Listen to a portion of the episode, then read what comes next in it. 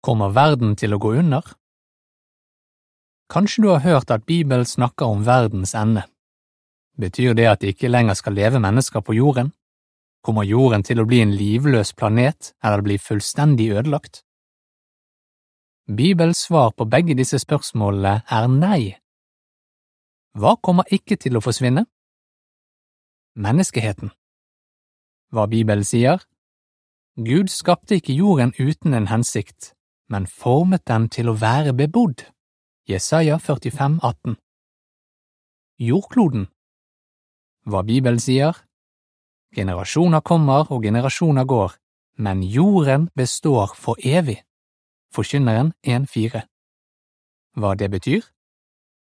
Ifølge Bibelen skal jorden aldri bli ødelagt, og det kommer alltid til å bo mennesker på den. Så hva menes med verdens ende? Tenk over dette. Bibelen sammenligner den kommende enden for denne verden med det som skjedde på Noas tid.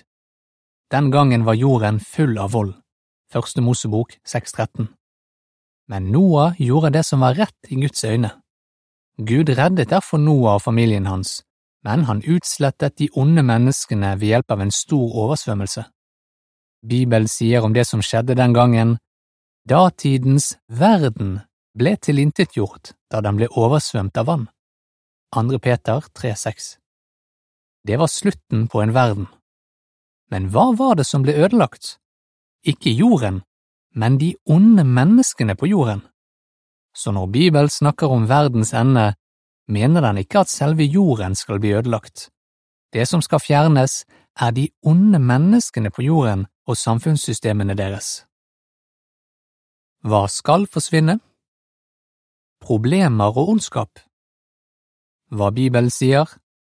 Om en liten stund er de onde borte. Du skal se etter dem der de var, og de er ikke der. Men de ydmyke skal arve jorden, og de skal føle dyp glede fordi det er stor fred. Salme 37, 10 og 11 Hva det betyr? Den store oversvømmelsen på Noas tid gjorde ikke slutt på ondskapen en gang for alle. Etter oversvømmelsen begynte onde mennesker igjen å ødelegge livet for andre. Men snart skal Gud fjerne all ondskap. Som bibelskribenten sa, om en liten stund er de onde borte. Gud vil gjøre slutt på ondskapen ved hjelp av sitt rike, en verdensregjering som skal styre fra himmelen over mennesker som er lydige mot Gud. Tenk over dette. Vil de som styrer verden i dag, være glade for at Guds rike tar makten? Bibelen viser at de ikke vil det. De vil faktisk kjempe mot Guds rike. Hva fører det til? Guds rike skal erstatte alle regjeringer på jorden, og det alene skal bestå for evig. Daniel 2, 44. Men hvorfor kan ikke menneskene fortsette å styre? Det må bli slutt på at mennesker styrer. Hva Bibelen sier? Det er ikke opp til den som vandrer og styre sine skritt. Jeremia 10, 23 Hva det betyr? Menneskene ble ikke skapt til å styre seg selv.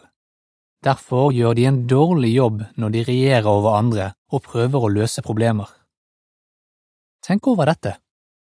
Leksikonet Britannica Academic sier at de enkelte regjeringene ikke ser ut til å kunne løse slike universelle problemer som fattigdom, sult, sykdom, naturkatastrofer og krig eller annen vold. Så sies det videre, noen mener at det må en verdensregjering til for at man skal få en varig løsning på disse problemene. Men selv om alle regjeringene i verden samarbeidet, ville det fortsatt være ufullkomne mennesker som styrte, og de har rett og slett ikke evne til å løse de problemene leksikonet nevner. Guds rike er den eneste regjeringen som har makt til å løse alle de globale problemene en gang for alle. Siden det ifølge Bibelen er de onde menneskene og samfunnssystemene deres som skal forsvinne, trenger ikke gode mennesker å være redde for verdens ende. De kan faktisk glede seg til verdens ende, for det betyr at den dårlige verden vi lever i nå, vil bli erstattet av Guds fantastiske nye verden. Når skal alt dette skje? Den neste artikkelen vil gi oss Bibels svar på det. Artikkelen slutter her.